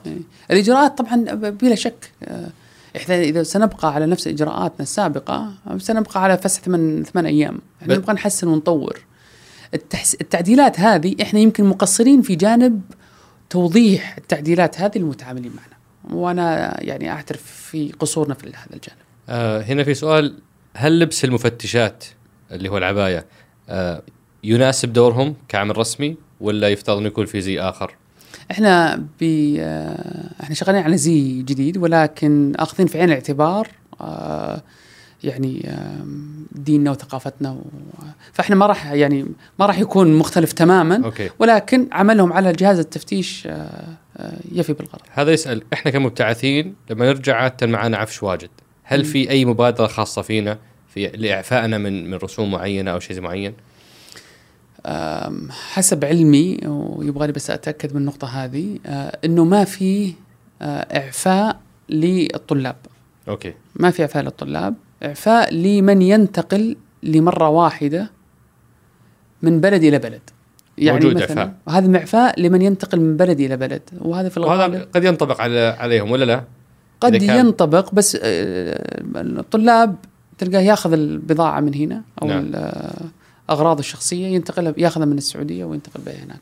أوكي. آه ثم يرجعها مرة ثانية. غالبا هذه ما تعتبر غالبا مرة واحدة. أعتقد من تجارب اصدقائي المبتعثين إنهم يكونون شروا السياره هناك ولا مم. شرى الأثاث هناك وبعدين يجيبها مرة واحدة. ففي هالحاله يقدر يستفيد من هالمبادره اللي هي مبادرة انتقال. الانتقال يبغى لي اتاكد بس عشان ما أبغى أكون أوكي. إجابة مضلله بس يبغى وإحنا. ننقل لك صوتهم بأنهم يطلبون مبادرة تخصهم كطلبة مبتعثين بأنهم لما يرجعون آه، يتم مراعاتهم لمرة واحدة وممكن يطلب منهم السندات الدائمة. آه هذا سؤال تكرر كثيرا وأنت ضحكت لما لما لما طرحته عليه قبل شوية موضوع المشرط. يعني كثير يشتكون من تلف بضائعهم بسبب التفتيش بالمشرط وش القصة؟ طبعا آه، في آه، مفترض إنه موظف الجمرك ما يحمل مشرط. آه النظام يمنع إنه يحمل مشرط. مو شغله. أوكي. مو شغله. لأنه عندي في عندك شركات حمالة وشركات مناولة هي المعنية بتحضير البضاعة وفتح الكراتين إذا لزم الأمر وفتح التغليف لقيام الموظف الجمركي بمهامه ها بالتفتيش. نعم. المفترض إنه الموظف ما يحمله. طيب لو صارت وش وش اللي يسوونه الناس؟ كيف كيف يقدروا طيب يرجعون؟ خليني خليني أوضح نقطه بس إيه، كيف. العمل؟ كيف العمل اللي صاير؟ موظف الجمركي يطلب من شركة الحمالة وهذه شركة طرف ثالث بإمكان من يتضرر بضاعته يشتكي. يشتكي حتى يشتكي يرفع لمن؟ يرفع الجمارك. يرفع الجمال يرفع الجمارك في المنافذ البرية. آم، وأيضا المنافذ الجوية. نجي إحنا نقول له آه، إنه هذه الإشكالية صارت من قبل الشركة الفلانية. الشركة الفلانية وبإمكانك تتابع معها. وبالفعل حصل تعويضات من قبل شركة الحمالة لهذه آه، للمتضررين. جميل. الجانب الآخر أعيد وأكرر دور الجمارك ليس فتح الكراتين. إحنا الآن غيرنا في نموذج العمل حتى في المطارات. كان عندنا إحنا كجمارك شركة حمالة هي اللي تفتح الكراتين. نعم. إحنا قلنا خلاص هذا إحنا بنطلع منها ونلغي عقد الحمالة في المطارات ونعطيها الشركة المعنية بالشحن واللي اخذه رخصة آه، إدارة الشحن في المطارات. اللي هي شركة السعودية للشحن وشركة نعم. ساتس. فهم المفترض من يحضر البضاعة ويفتح الكراتين. وبالتالي كل اللوم اللي قاعد يجيكم ما لكم دخل فيه أنتم. لا في قد يكون بعض الممارسات يقوم فيها موظف الجمرك اجتهادا من عنده نعم. هذا يعرضه للمساءلة. فأي أحد يتعرض لبضاعة مشروطة يشتكي الجمارك نعم. يكلم 19 18 ويسجل بلاغ. 19 18 نعم. آه لماذا ك... الكميات السلع ايا كانت والتي تتم خارج يتم إدخالها على حسب مزاجية الموظف؟ يعني موضوع المعسل موضوع ال- الدخان مرات كرتون مرات أو كرز كرزين مدري إيش. هذا التفاوت في المسموح والممنوع. هل هو من عندكم ولا عند من؟ لا لا لا هو في في نظام وفي تعليمات واضحة. كيف نرفع وعي الناس؟ كيف الواحد يعرف انه أنا حقي إني أدخل هذا المقدار من أي بضاعة؟ هل موجودة في موقع معين أو في موقع موقع الجمارك في حسابنا في تويتر. إحنا دائما نقول للناس تابعوا حسابنا في تويتر تلقون دائما التحديثات اللي تصير. مفترض أيضا بيكون عندنا في الربع الثالث تطبيق للإفصاح. يساعد الناس بالإفصاح. يجي يفتح الموقع ال- ال- الابلكيشن والتطبيق يدخل البضاعة ويعلمه هل يحتاج إفصاح ولا لا. وهذا المفترض ستقلل بشكل كبير جدا من تعطل الناس في في المنافذ. ونحاول جميل. قدر المستطاع إن شاء الله. ماني متأكد هل بيكون في دفع إلكتروني قبل نهاية العام ولا لا. مهم. ولكن المفترض إنه الرؤية للتطبيق إنه يكون بإمكانك الدفع الالكتروني بس فقط توري البضاعة وبالتالي ما في تفاوت في في الموضوع على حسب مزاجيه الموظف. في نظام واضح محدد اللي مهتم يتابعكم في تويتر أو يدخل موقعكم يلاقي هالاشتراطات. صحيح بس ودي أوضح نقطة أي. مهمة جدا. اي في تعليمات وفي جانب بشري. نعم. الموظف في بعض الأحيان قد يجتهد اجتهاد في غير محله. نعم. في هالحالة وش يسوي المستفيد أو المراجع؟ لا بامكانه يتصل على 19 18 أو 19 10 إذا حس إنه في سوء استغلال من أي موظف من موظفي الجمارك. نعم. ها؟ من مدير عام الجمارك ومحافظ الجمارك إلى أقل موظف. نعم. يتصل 19 10 أو يتصل بالجائزة الرقابية إذا يحس إنه في سوء آه، استغلال. جميل. آه، واحد هنا يسأل يقول عندكم كمية بيانات مهولة في مسألة البضائع اللي تدخل البضائع اللي يقول هذه قد تفيدني أنا كمنشأة صغيرة في معرفة وش اللي موجود وش المطلوب حتى ممكن أصنع محليا. متى صح. تتيحون هذه الداتا؟ للمستفيدين. هذه منصه المعلومات المفتوحة. آه، المفترض إنه ترى النور قبل نهاية العام. إحنا متأخرين فيها. كان مفترض العام الماضي. آه، ولكن المفترض إن شاء الله قبل نهاية 2019 بيكون في قبل منصة. نهاية العام يكون إن شاء الله بإذن جميل. الله المنصة. وأيضا نقطة مهمة ليس فقط ليس فقط البيانات. أنت ما يهمك البيانات بعكس ما يهمك جودة البيانات الموجودة. أكيد. إحنا بالتوازي شغالين على إعادة تنقيح البيانات بحيث أن تكون البيانات آه، أفضل. لماذا يتم منع استيراد السيجاره الإلكترونية وملحقاتها رغم أنها أقل ضررا من السيجاره العادية؟ طبعا هذه عندكم؟ لا هذه ليست عندنا. طيب هذا المنع- نداء بصوت عالي إيه. نداء بصوت عالي لا، لا، لكل هو- اللي أرسل أسئلتهم الجمارك. ما لها دخل بالسيجاره الإلكترونية. لا بس خليني أوضح نقطة.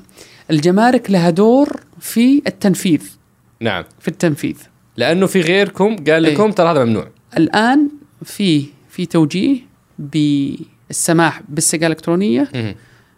ولكن بي- بيشترى في تنظيم معين بين جهات الفسح آه، هيئة الغذاء والدواء هيئة مواصفات المقاييس جمعية مكافحة التدخين آه، الجمارك السعودية الجهات المعنية وزارة التجارة كلها تعمل الآن يعني اليوم.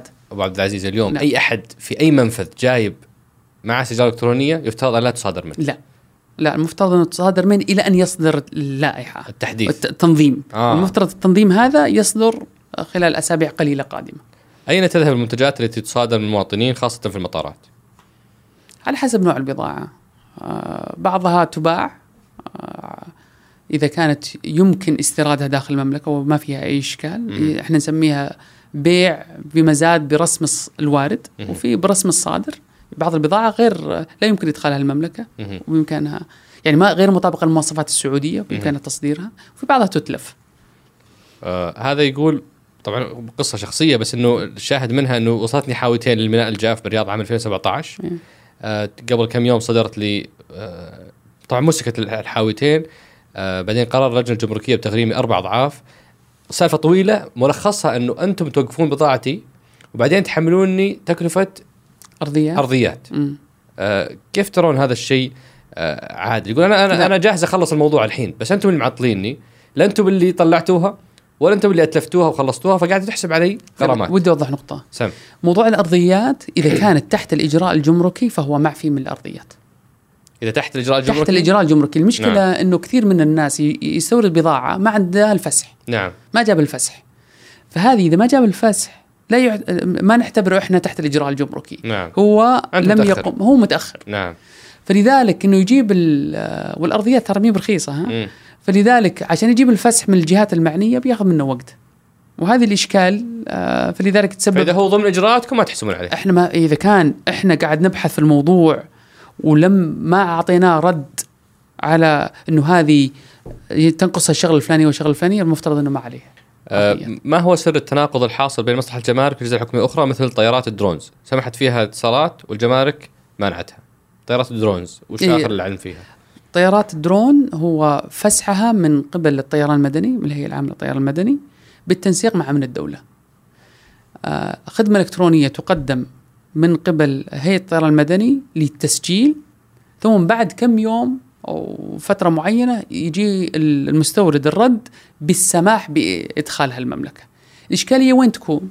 يشتريها يشحنها ولا ولا هو خدمة يشتريها ولا جاب الترخيص أو يتوقع انه التسجيل فقط في الموقع هي السماح. باستيرادها. وهذه الإشكالية الكبيرة الحين اللي. فاليوم اللي يبغى درونز يقدم على الجهة المشرعة. الطيران المدني هي الطيران المدني. وينتظر موافقتهم ينتظر موافقة. بعدين يطلبها. إيه بعدين يطلبها. جميل. آه ليش ما أقدر أستورد سيارتين أكثر من سيارتين في السنة؟ لأنه آم، في في برنامج كفاءة الطاقة. آه، في معيار لكفاءة الطاقة لكل السيارات المستوردة مستوردة إلى المملكة مع الشركات المصنعة فالمملكة متفقة مع تويوتا على مستوى آه، كفاءة طاقة معينة لإجمالي السيارات اللي يبيعونها في المملكة. ففي عدد معين من السيارات الثمانية سلندر وعدد معين من السيارات الأربعة سلندر أو منخفضة الاستهلاك الطاقة. وإجماليها هذا يعطيك مستوى أو معيار لكفاءة الطاقة الشركات أو الأفراد اللي بيجيبون سيارات يجب أنه ما يكون عملها تجاري. فإحنا نقول سيارتين لشخص واحد استيراد في السنة هذا منطقي يعني نعم. كم واحد يغير سيارته أو يغير سيارتين في السنة. فلذلك إحنا عشان ما يكون هناك التفاف حول معايير كفاءة الطاقة. فهي من معايير كفاءة الطاقة. نعم. هم اللي يعطوكم اياها وأنتم تنفذون فقط. إحنا فريق نعم. مع كفاءة الطاقة مع وزارة الطاقة مع هيئة المواصفات المقاييس فليست آه ليست فقط فريق كفاءة الطاقة. جميل. آه على طاري السيارات في أشخاص يستوردون سيارات كلاسيكية. نعم. ال- ال- القديمة هذه النادرة المميزة. نعم. آه ليش تطبقون عليها موضوع معيار المدة الزمنية أو التاريخ مع أنها هي قيمتها في قدم في قدمها؟ فهل أنتم تمنعون استيراد لا, سيارات؟ لا هذا مسموح فوق ال 30 عام. مم. تعتبر تدخل بسيارة تعتبر سيارة كلاسيكية لها لوحة كلاسيكية. ممنوع آه أنها تسير على الطرقات. okay. ها بإمكانك اقتناءها. تحطها- اقتناها وكذا. في تنظيم جديد إن شاء الله سيسمح للسيارات اللي دون ال 30 سنه. وفوق الخمس سنوات نعم. إنه بإمكان استيرادها بمقابل مالي. okay. آه هذه كانت بعض أسئلة المستفيدين. آسف إني ما أخذت كل أسئلتهم حتى نع- نعطي فرصة لباقي المحاور. زملائك. انت طبعا واحدة من قيمكم روح الفريق. صح. آه ففي أسئلة كثيرة. في كثير من زملائك صراحة يعني ينقلون تحياتهم لك وينقلون جهد جبار قاعد يصير في المؤسسة. وفي بعض الزملاء ينقلون عتب ينقلون أسئلة. آه مثلا مؤخرا اهتمت الجمارك بالعنصر النسائي ويحسب لهم ذلك ويشكرون عليه. لكن لماذا لا يتم توفير حاضنات أو حضانات لأبناء العاملات خصوصا انه الورديات صباح ومساء وأطفالنا نتركهم في منتصف الليل. هل عندكم خطة لتوفير حضانات؟ في في بالتحول مع ال- الهيئة بيكون هناك محف... مج... يعني آه، حزمة من المحفزات اللي تساعد على الموظف التركيز على عمله. ولا آه، ولا أستثني منها فكرة الحاضنات حضانات أوكي. آه على طاري موضوع التحول يسألون إحنا صرنا هيئة والى الحين ما عندنا سلم جديد ولا عندنا تأمين طبي صح. متى؟ إحنا ق- على قلتها في برنامج المديفر أي. إن إن شاء الله بالربع الرابع يبدأ أول مرحلة للتسكين. المرحلة التسكين هذه ستتم بناء على تقييم لكل فرد من أفراد ال- ال- ال- آه، الجهاز وتسكينه في الوظيفة المناسبة وإعطائه عرض عمل جديد عرض عرض عمل. العمل الجديد بيكون فيه المزايا الإضافية وأيضا وهذه نقطة مهمة إنه هذا على نظام العمل العمال. معناه إنه قضية ال- آه، إنه هذه أنا في موظف حكومي ولا يمكن آه، يعني مخالفتي أو الاستغناء عني لن يكون لأنه إذا تجي بمزاياها وبعيوبها بلا شك بلا أوكي. شك لا يمكن الدولة إنه تقول والله برفع راتب الموظف بنسبة معينة نعم. بدون ما يكون هناك عائد جميل فلذلك دائما أقول للموظفين عذرا عن المقاطعة. اي لا تفضل. دائما أقول للموظفين الناس المتميزين سيسعدون جدا نعم. في التحول. لصالحهم. الناس الناس الأقل تميزا بس عشان أكون لطيف آه، العبارة. لطيف. لن آه، ما راح ينبسطوا كثير في التحول. أو كل واحد يعرف نفسه يعني. نعم. إيه. آه بالنسبة للي عملوا ساعات على نظام الساعات لم تحسب لهم في الخدمة يقولون إحنا مستعدين ندفع التأمينات اللي علينا. بس يحسبون لنا خدمتنا بعضها ثمان سنوات ست سنوات أربع سنوات. فاللي عمل بنظام الساعات هل يمكن احتساب خدمته؟ هذه آه، هذا موضوع آه، يمكن فني شوي. آه، إحنا تواصلنا مع الخدمة المدنية ويجب أن هناك تعويض مالي. وكذا. أنا ما عندي الرد صراحة لهذه النقطة يمكن يمكن أقدر أبحثها و... جميل إحنا نقلنا لك عاد صوتهم. المفتشين في الجسر جسر الملك فهد يتجاوزون 200 موظف. وأغلبهم بعيد عن عائلته وهذا أيضا ينطبق على حقين منفذ البطحة. آه، هل فيه يقولون لماذا لا يكون لنا مثلا اتفاقية بينكم؟ بما أنك عضو الخطوط السعودية اتفاقية بين الجمارك والخطوط السعودية بأنها تسهل عملية انتقالنا لأهالينا في ال- ال- الإجازات القصيرة حقتنا. إحنا آه، أتحنا فرصة مع زملائنا في حرس الحدود عندهم هم متعاقدين مع شركة تقدم خدمات النقل. فإحنا رتبناها في منفذ البطحة. آه، ولكن يجب إنه نتوسع في هذه التجربة. وأيضا نعيد النظر في موضوع الراحات للموظفين بالذات في المناطق الصعبة. يومين ما تكفيهم؟ ممكن تجمعها لا هي في الحقيقة الآن هي بيومين. هي 14 يوم يعمل وسبع أيام إجازة. آه. آه. وبعض الموظفين يقول والله أنا ترى تاخذ مني وقت خصوصا إنه أقرب مطار البطحه صحيح. مطار الأحساء. هذه. تكون ثلاث ساعات بالسيارة. وثم بروح بالطيارة لتبوك مثلا أهلي في تبوك. وهذا يعني ياخذ منه وقت وجهد. يخسر يوم في الذهاب يوم في العودة. آه، وهذه إشكالية. وش قناة التواصل معك أبو عبد العزيز بالنسبة للموظفين اللي يبغون يطرحون وجهة نظر مخالفة ولا يختلفون معك وجهة نظر؟ وش القناة اللي أنت أتحتها لهذه الفئة؟ في أكثر من قناة. عندنا آه، إيميل رأي داخلي وإعلنا عنه أكثر من مرة. اللي هو كير.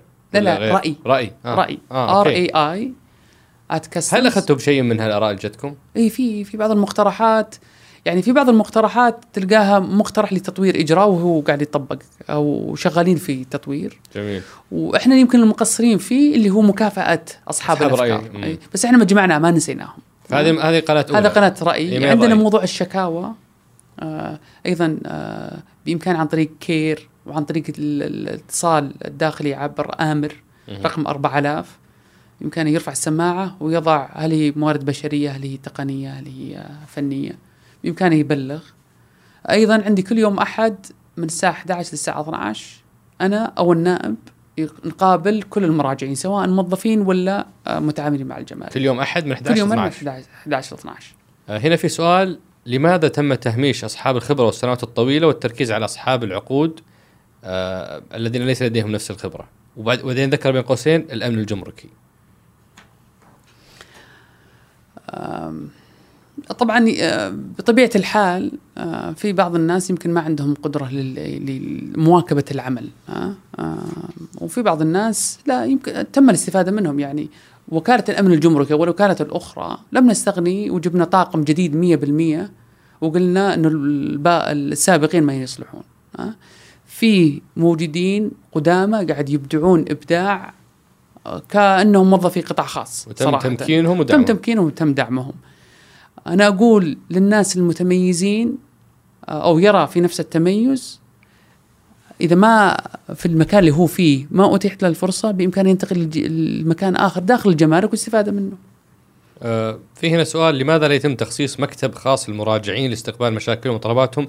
ليس من المعقول أن يأتي المراجعين لقسم التقنية لسؤالي عن معاملة معينة. صح. صح. إحنا مفترض إنه عندنا إحنا طرحنا آه، أعلنا عن آه، رغبتنا في استئجار منطقة لخدمات العملاء وإن شاء الله الترسية قبل نهاية رمضان. يمكن تأخرنا في الجانب هذا لأنه كان في فكرة إنه ننتقل في مبنى جديد وقلنا. نبغى نكون المبنى واحد مع آه، خدمة العملاء. لأنه تأخر قلنا ب- بس آه، يعني فمتى هذا يكتمل تتوقع؟ مفترض إنه في أقل من ثلاث شهور أقل ثلاث من شهور إن شاء الله تطلع آه، مركز خدمة العملاء في الرياض آخر سؤال من زملائك ماذا عن تمكين المرأة في الجمارك؟ كم عدد وكيلات المساعدات في الجمارك حتى الآن؟ الوكيلات الآن آه، صفر صفر صفر مم. ولكن ماذا تستهدفون؟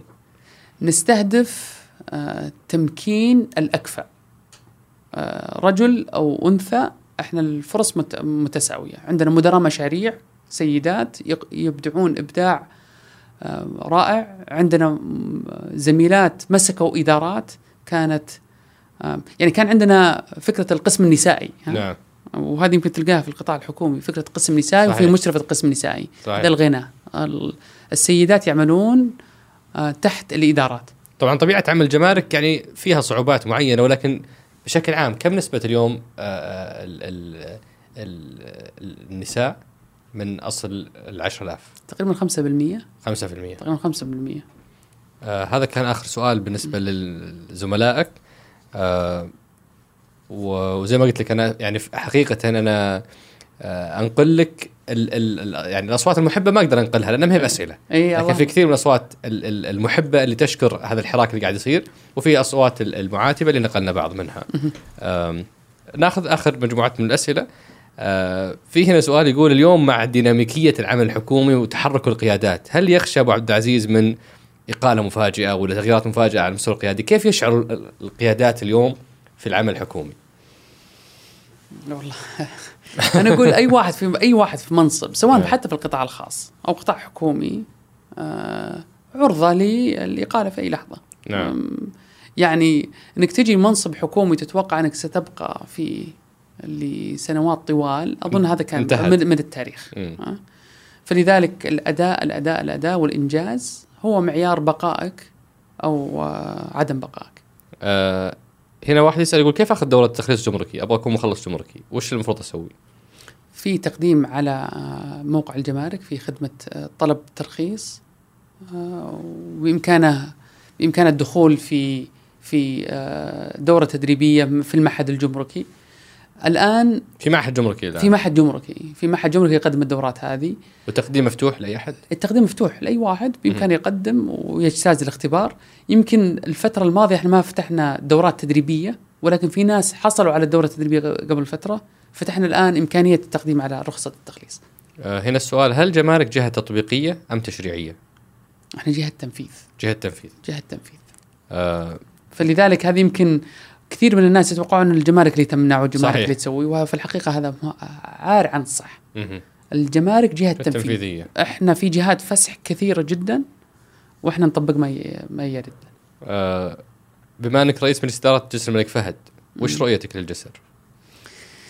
جسر الملك فهد بني آه، في الثمانينات آه، لاستيعاب 5000 سيارة في اليوم. والأرقام اللي سمعها طيب. الآن شلون قاعدين يمر يمشون؟ لا لا هو هو يعني صمم ل 5000 نعم. سيارة. آه الآن الاستفادة منه فوق ال 30000 سيارة في اليوم. ويمكن كل أسبوع في رقم كسر قياسي. رقم قياسي. صحيح. آه، في أكثر من شق. الشق الأول الاستفادة من الجسر والاستثمار اللي تم بالاستخدام الامثل للتقنيه كيف أقدر أسهل النقاط الإجراءات اللي تقوم فيها الجهات الحكومية أو مؤسسة جسر الملك فهد. نعم. الدفع ليش يكون كاش بامكان استخدام التقنية. صحيح. آه، بامكان استخدام مثل ال RFID أو القارئ هذا الاوتوماتيكي قارئ صحيح. اللوحات. كيف نقدر إحنا ندعم الجهات الحكومية العاملة باستخدام تقنية تساعدهم في تسريع عملهم؟ أيضا إعادة تصميم طبعا هذا الجانب التقني. الجانب الثاني إعادة تصميم جزيرة الإجراءات. جزيرة الإجراءات في وضعها الحالي 25% من المساحة مخصصة للركاب. نعم. 20% للشاحنات. البقية لأجهزة حكومية أو مناطق تجارية أو مناطق غير مستغلة. أنا أقول هذه منطقة عالية القيمة. صحيح. فيبغى لنا إعادة تصميم بما يخدم سرعة تنقل الأفراد والبضائع. وهذا تركيزنا فيه. الآن بدأنا في استش... مع مع استشاري لقياس ال- مكان من ال- التأخير اللي حاصل في. في الجسر أيضا سيتلو ذلك.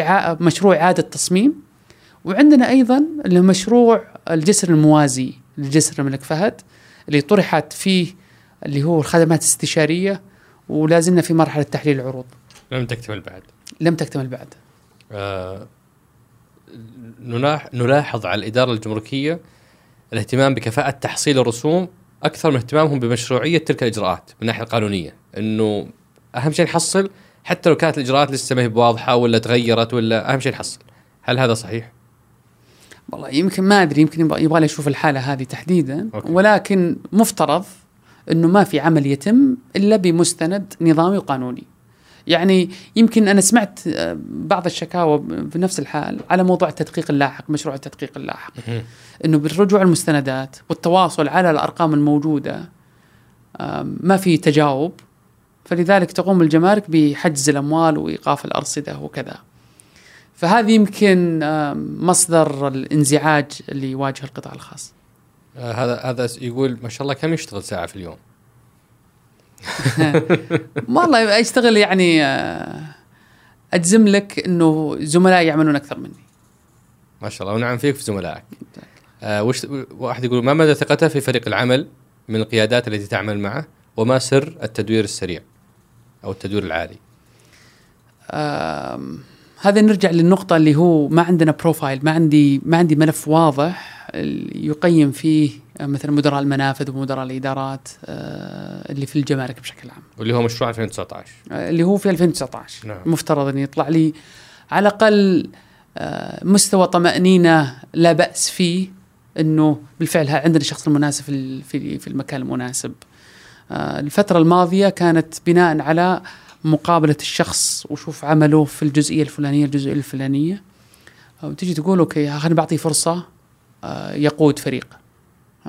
بعضهم آه، يعني يحقق نجاح في بعضهم يمكن إحنا تسرعنا في وضعه في المكان هذا يبغى له التأهيل. فإحنا حتى التدوير إحنا ما قاعد يعني نغض النظر أو نغض الطرف عن من تم تغييرهم. إحنا بنعطيهم دورات التدريبية تمكنهم في مساعدة الجمارك في التحول. آه، هنا واحد يسأل يقول موضوع الشركات الاستشارية. يقول في شركات استشارية كثير عندنا تعمل ف وش خطتكم لتوطين معرفة الشركات الاستشاريه؟ فهو يفترض إنه في شركات استشاريه كثيرة صح فوش آه، وش خطتكم في توطين هالخبرات آه، ضمن فريق عمل الهيئة؟ ما في فريق استشاري من خارج الجمارك يعمل إلا عنده فريق سعودي يقابله. والمفترض إنه الخبرة هذه تنتقل إلى هذا الفريق هذا الفريق. العمل على مشروع مدة ثلاثة شهور ستة شهور لا يعني بالضرورة أنه انتقال الخبرة كاملة لفريق العمل. نعم. يبغى له فترة يبغى له وقت. فلذلك يمكن سنستمر بالاستفادة من هذا الخبراء يعني. إلى أن نصل إلى مرحلة أنه يمكن الاستغناء عنهم أه واحد يسأل سؤال غريب يقول هل صحيح في نهاية 2019 تكون الجمارك خدماتها 100% من أبشر؟ إيش لكم علاقة بأبشر أو؟ لا إحنا نستفيد من أبشر في التحقق من هوية فقط. فقط. أوكي. بس في منصه فسح هي هي الأساس. آه هذا السؤال يقول لماذا لا يوجد أجهزة الفحص السريع في المطارات والتي تفحص الغذاء الطازج والبيئة وهي عبارة عن اجهزه مسح ونتيجة إما إيجابية أو سلبية خلال دقيقة؟ في شيء زي كذا؟ آه موضوع كل ما يرد الغذاء أو الدواء يحال جهات الفسح سواء هيئة الغذاء والدواء ولا وزارة الزراعة. هم من يقوم بس هل في أجهزة ولا هذه أجهزة مفترض عندهم؟ عندهم. إذا آه. كان موجود أنا ما أعرف بس أنا ما سمعت صراحة في تقنية تعطيها الجهة تعطيها الغذاء وتجي تقول لك هل هي صالحة ولا لا. أنا أفترض إنه عند الزملاء في هيئة الغذاء والدواء وزارة الزراعة معايير لتحديد سلامة الأغذية. آخر سؤال هنا وهذه يعني إحنا جاوبنا عليها من من من ال ال من الزاوية الرسمية حقت رؤية الجمارك بس الآن نبغى ناخذها من الزاوية الشخصية من زاوية القائد. كيف ترى الجمارك خلال الثلاث سنوات الجاية؟